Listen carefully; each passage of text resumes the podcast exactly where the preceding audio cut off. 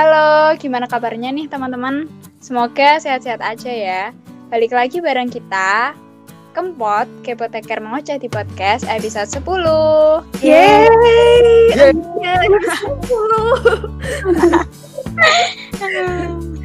Eh, aku Niza.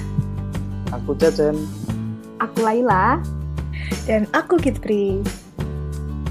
Nah, di sini kita mau bahas apa sih? Mau bahas apa nih, teman-teman? Mah. Kita mau lanjutin yang kemarin. Kan kemarin tentang selama dikasih. Tentang apa? Ya, Diare. diare. Eh, Sekarang mau penyakit eh, selanjutnya yaitu sakit Penyakit yang sering dialami oleh mahasiswa dan anak kosan. Hmm, Apa tuh? kayaknya. mengalami. Namanya sakit mah. Iya. Oke, episode ini kita mau bahas sakit mah. Sakit yang sering diderita oleh anak kos, khususnya mahasiswa. Nah, sakit mah tuh apa sih sebenarnya? Sakit mah itu Apa itu? Mah. kalau mahnya sendiri itu artinya perut ya guys kalau di bahasa medis. Iya. Kalau pengertian dari sakit mah sendiri itu eh, adanya peningkatan produksi asam lambung di eh, lambungnya sehingga terjadi iritasi. Biasanya Hmm. kalau bahasa kedokteran itu dispepsia ya. Jadi emang Iya. ada nyeri di lambung karena peningkatan sekresi HCl atau asam lambung itu. Nah, kan masyarakat taunya mah ya. Sebenarnya Hmm. eh, artinya tuh perut. Mm-mm. Kalau- Jadi kalau misal ada yang tanya, eh kamu punya mah nggak? Eh jawab aja, iya dong kita punya. Kalau nggak, mending goy gitu. Itu punya perut loh ya kan punya mah gitu. Hmm. Kalau misalnya istilahnya ya sakit mah atau lebih tepat lagi yang tadi dispepsia. Eh. Betul. Terus nih, eh, teman-teman kalau lagi mah gitu apa aja sih yang dirasain? Kayak gimana? Gejala-gejalanya. Biasanya kalau mah tuh aku rasanya eh, perih di perut bagian kiri. Mm-mm. Sama. Terus?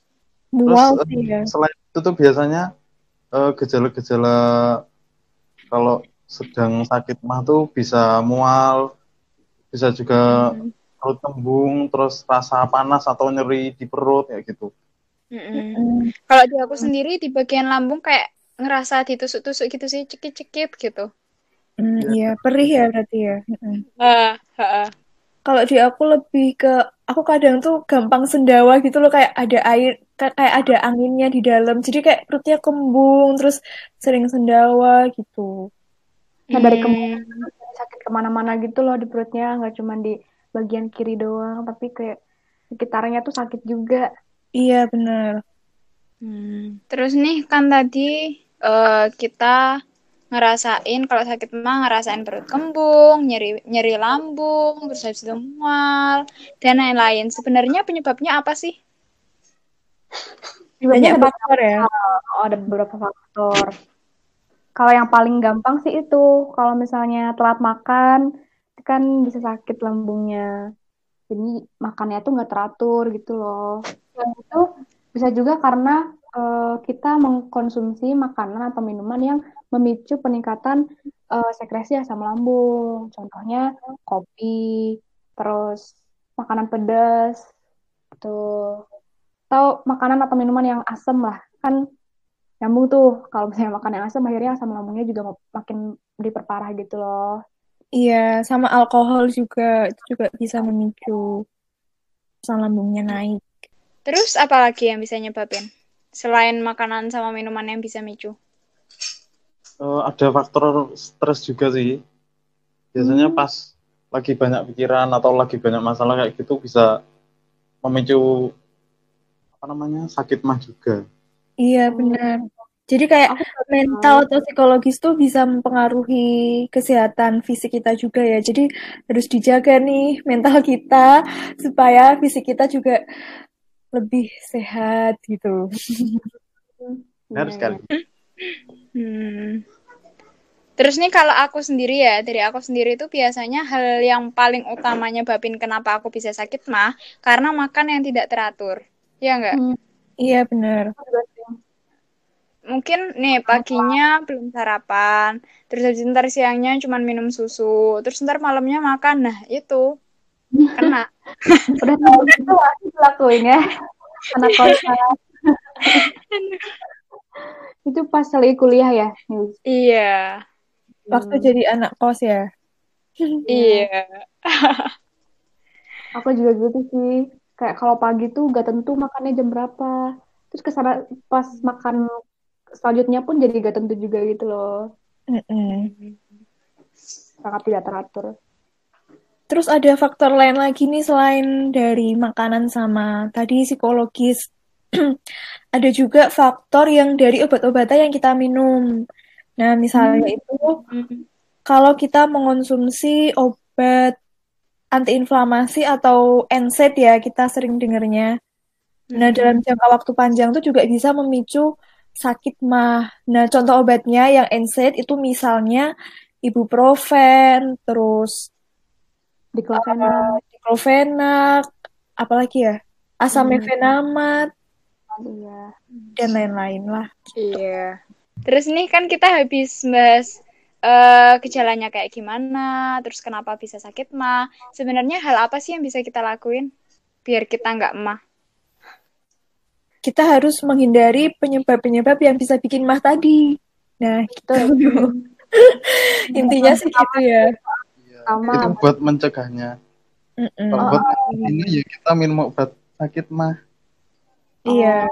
Nah, ini untuk eh, hal yang dapat dilakukan untuk mencegah dan mengobati sakit mah tuh beda gitu kan. Kalau untuk mencegahnya berarti penyebabnya harus dihindari. Terus kalau misalnya mau Mm-mm. diobati atau ditangani itu bisa pakai obat. Mm. Berarti cara menghindarinya ya dengan menghindari keja eh apa penyebab-penyebabnya tadi nggak nggak sih? Kayak Iya. misalnya kita ya menghindari makan sama minum yang bisa memicu produksi asam lambung berlebih. Ya. Terus habis itu banyak-banyak refreshing biar nggak stres. Iya benar.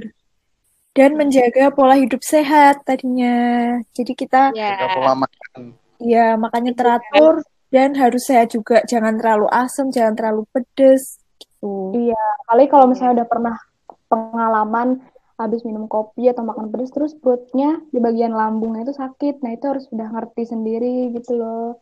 Dan Mm-mm. eh, lebih hati-hati lagi kalau mau konsumsi itu. Benar. Jadi harus paham sama kondisi diri kita sendiri. Betul. Terus nih apa namanya? Kan tadi kan eh, penyebabnya kan peningkatan produksi asam lambung ya, produksi asam lambung yang berlebih. Sebenarnya fungsi asam lambung sendiri itu apa sih? Oh iya, fungsi asam lambung itu untuk eh istilahnya biar lebih gampangnya tuh untuk membantu mencerna makanan yang kita makan.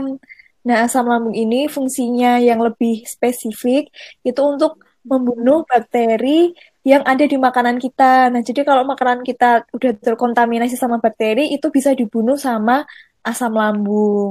Terus yang kedua, asam lambung itu juga bisa mengaktifkan suatu enzim di lambung kita, namanya enzim pepsin. Nah, jadi pencernaannya juga bisa lebih maksimal. Berarti membantu pencernaan gitu ya. Iya. Terus kan asam lambung ini sekresinya sebenarnya stabil ya. Hmm. Nah, jadi sekresi asam lambung ini sebenarnya tuh stabil di tubuh kita. Maksudnya setiap waktu emang disekresi atau dikeluarkan terus-menerus. Tapi ada beberapa waktu emang produksinya tuh ada yang banyak, ada yang sedikit. Nah, kalau kita itu perutnya kosong dalam jangka waktu yang lama, itu sekresi asam lambungnya itu akan menumpuk di lambung kita yang tadinya HCl-nya itu untuk mencerna makanan, untuk membunuh bakteri. Nah, itu akhirnya karena tidak ada makanan yang masuk, dia malah mengiritasi dinding lambung kita. Makanya kita ngerasa perih. Nah, itu sebabnya karena udah ada iritasi dari asam lambung kita sendiri. Itu dari sekresinya tuh eh, yang tadinya sedikit-sedikit jadi menumpuk gitu nggak sih? Iya. Hmm. Oh, gitu. Terus nih, kalau apa namanya? Tadi kan salah satu penyebabnya kan karena produksi asam lambung yang berlebih dan karena eh, jadwal makan yang nggak teratur, ya kan?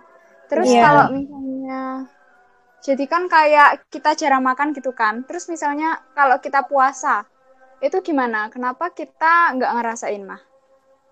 Iya ya, padahal kan itu lama banget kan eh, nggak kemasukan makanan seharian. Iya, mungkin Cacan bisa menjawab.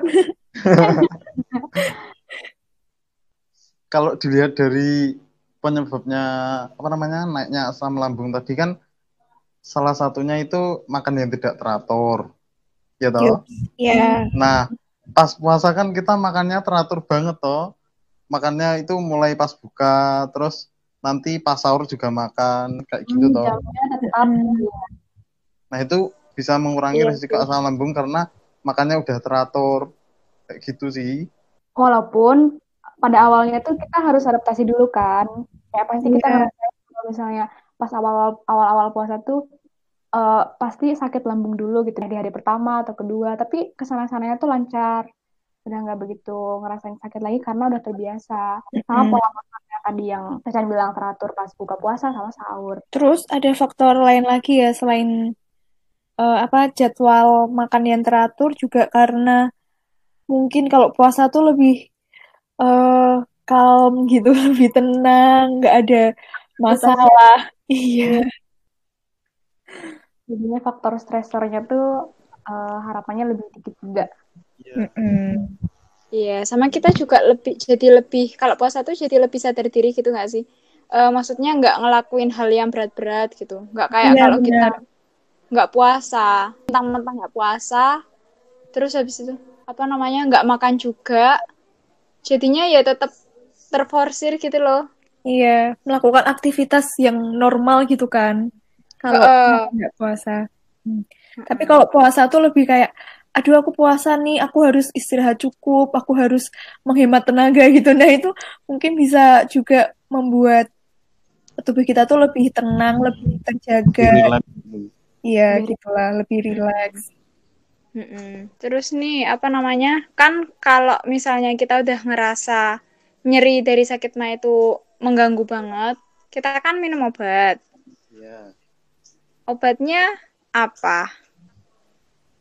Udah Kalau terkenal yang- banget nih obatnya. Kalau yang bisa Ada antasida. betul. Hmm. Lewat produknya namanya Proma.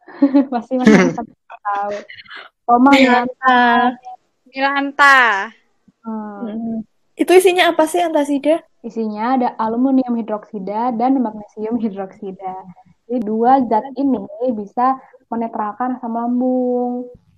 Ya, Oh, jadi antasida tuh kerjanya menetralisasi asam lambung gitu ya? Betul. Hmm. terus eh diminumnya kapan bagusnya?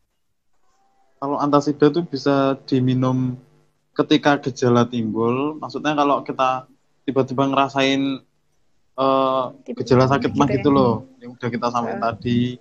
Terus juga bisa satu sampai dua jam sebelum atau setelah makan dan sebelum tidur. Berarti saat perut kosong gitu ya? Ya. Iya, benar. Nah, kenapa sebelum tidur juga perlu untuk minum antasida untuk yang sakit mah? Itu karena tidur kan kita nggak ada asupan makanan ya. Jadi untuk Iya. mencegah nanti waktu bangun itu HCl-nya berlebih ya, itu tadi ada antasida sebelum tidur. Hmm. Terus nih kan antasida sendiri eh, ada dua bentuk ya, yang satu tablet sama yang satunya bentuknya cairan suspensi gitu. Kalau yang tablet tuh penggunaannya harus dikunyah kan ya? Iya. Iya. Kenapa harus dikunyah? Jadi biasanya kalau teman-teman lihat di label atau kemasannya itu ada keterangannya eh, tablet kunyah kayak gitu. Nah tujuannya kenapa harus dikunyah dulu? Eh, obat dalam bentuk tablet itu kalau di tubuh sebelum dia beraksi itu kan harus hancur dulu, terus baru bisa beraksi. Nah berhubung ini pengen aksinya pengen cepat dan langsung beraksi di lambung gitu loh. Tujuannya dikunyah itu buat membantu penghancuran tablet tadi supaya udah hancur dulu terus nanti lambung langsung beraksi kayak gitu sih. Hmm. Hmm. Tuh dia juga kerjanya lokal kan di lambung. Ya. Lokal tuh jadi ke permukaan lambungnya itu loh, dinding lambung, nggak lewat pembuluh darah. Iya, nggak ke mana-mana gitu. Mm-mm. Iya. Biar efeknya lebih optimal. Heeh. Terus kalau misalnya kan tadi tablet kunyah, tapi kalau misalnya ada yang nggak suka sama rasanya nih, terus akhirnya milih ditelan aja, gitu gimana? Langsung ditelan gitu? Ya sebenarnya boleh-boleh aja ya, nggak bahaya. Cuma efek obatnya tuh jadi lama kerjanya. Kayak yang tadi Ya, Cacan bilang. harus hancur dulu. Iya, benar. Hmm. Jadi kalau obat eh, yang ada keterangannya tablet kunyah, tapi kita nggak ngunyah, langsung ditelan kayak gitu, nanti pas sampai lambung nunggu tablet itu hancur dulu. Jadi kayak lebih butuh waktu gitu loh, dibandingkan yang udah kita kunyah, terus baru kita telan kayak gitu kan udah hancur lebih dulu di mulut, terus pas sampai lambung nanti bisa langsung beraksi kayak gitu sih. Iya. Hmm. Oh iya. Kalau obat yang antasid itu tidak dianjurkan pemakaian lebih dari dua minggu kecuali atas saran dokter. Kayak gitu. Terus ada lagi pembatasannya. Jangan digunakan lebih dari 4 gram dalam sehari. Hmm. Hmm.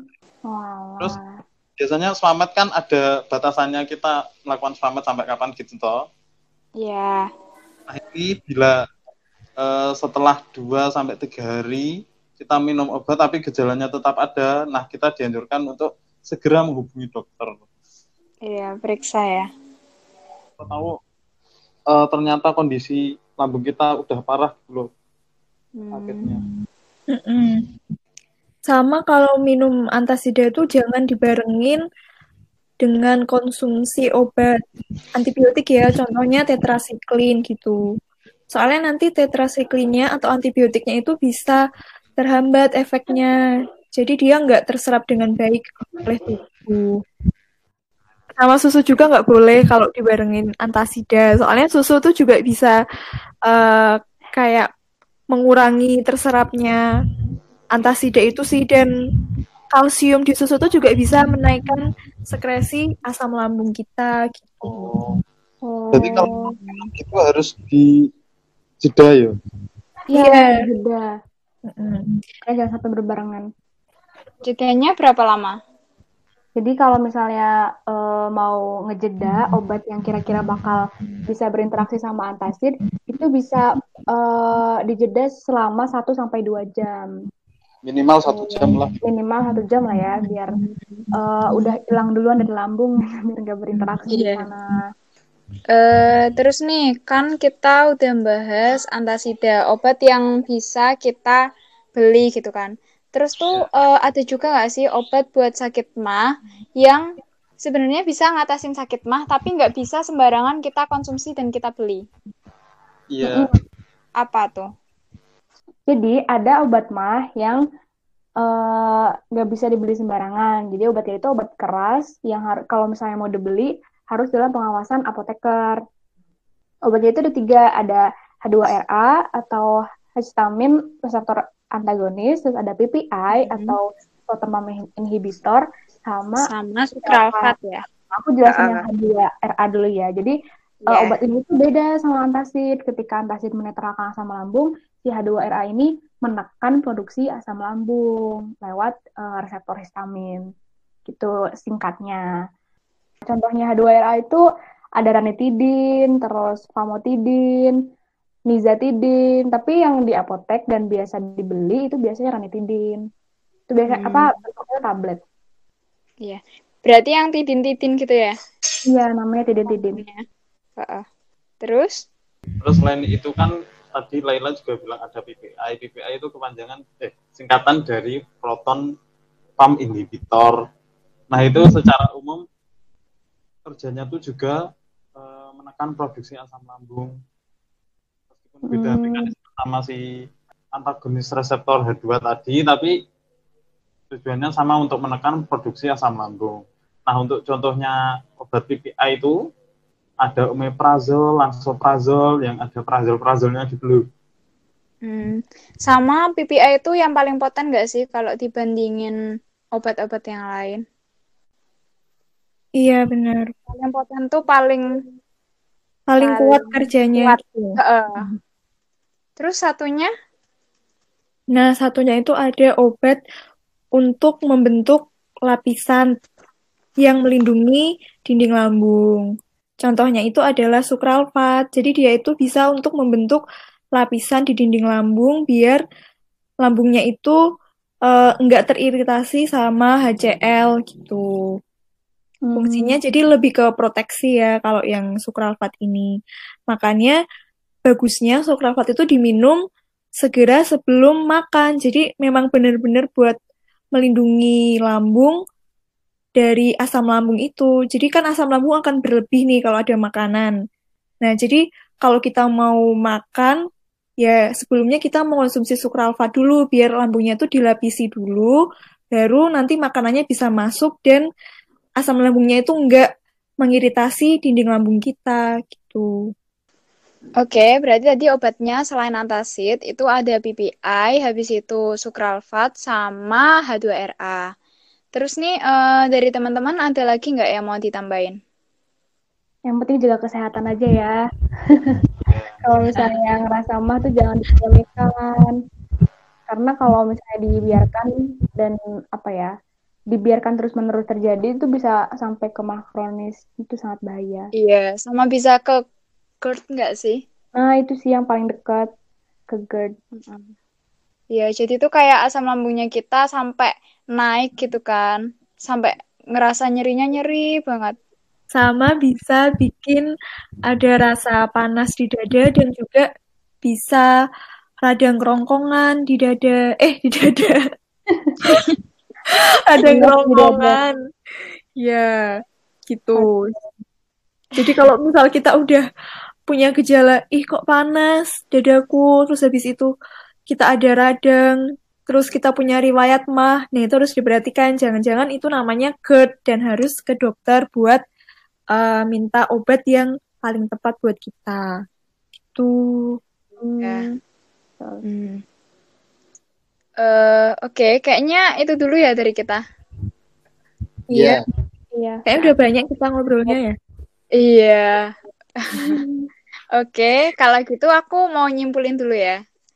Jadi, mah itu apa sih? Mah itu sebenarnya berasal dari kata perut, di mana sakit mah itu berarti uh, produksi asam lambung kita berlebih sehingga terjadi iritasi lambung. Nah, biasanya kalau emak tuh kerasa nyeri, habis itu panas di ulu hatinya, terus habis itu mual sama perut kembung. Nah, penyebabnya apa? Bisa dari makanan atau minuman yang bisa merangsang lam produksi lambung berlebih. Habis itu bisa karena juga faktor stres dan juga jadwal makan yang nggak teratur. Nah, buat nyegahnya ya kita menghindarin penyebab-penyebab tadi. Terus habis itu obat apa yang bisa digunain? Jadi obat yang bisa kita gunain itu ada yang namanya antacid. Yang isinya itu ada aluminium hidroksida sama magnesium hidroksida. Fungsinya itu buat menetralkan asam lambung kita. Terus ada juga obat lain yang sebenarnya bisa buat ngatasin sakit mah, tapi nggak bisa langsung uh, kita konsumsi dan kita dapetin secara bebas. Ada obat yang namanya obat sukralfat, terus habis itu ada yang namanya H2RA, contohnya danizatidin, ranitidin, famotidin, simetidin. Kemudian ada juga yang namanya PPI, proton pump inhibitor. Itu contohnya ada omeprazol, lansoprazol, kayak gitu. Intinya eh, jaga kesehatan, sadar diri, sadar terus diri. itu harus perhatiin diri sendiri. Ya, perhatiin diri sendiri supaya kita nggak ngalamin sakit mah. Gitu ya. betul. Betul. Terus kalau misalnya teman-teman ada kritik saran atau mungkin uh, tambahan atau mungkin bahan diskusi lain bisa ngehubungin kita dengan DM di Instagram Kepoteker. Apa tuh Instagramnya? Kepoteker underscore.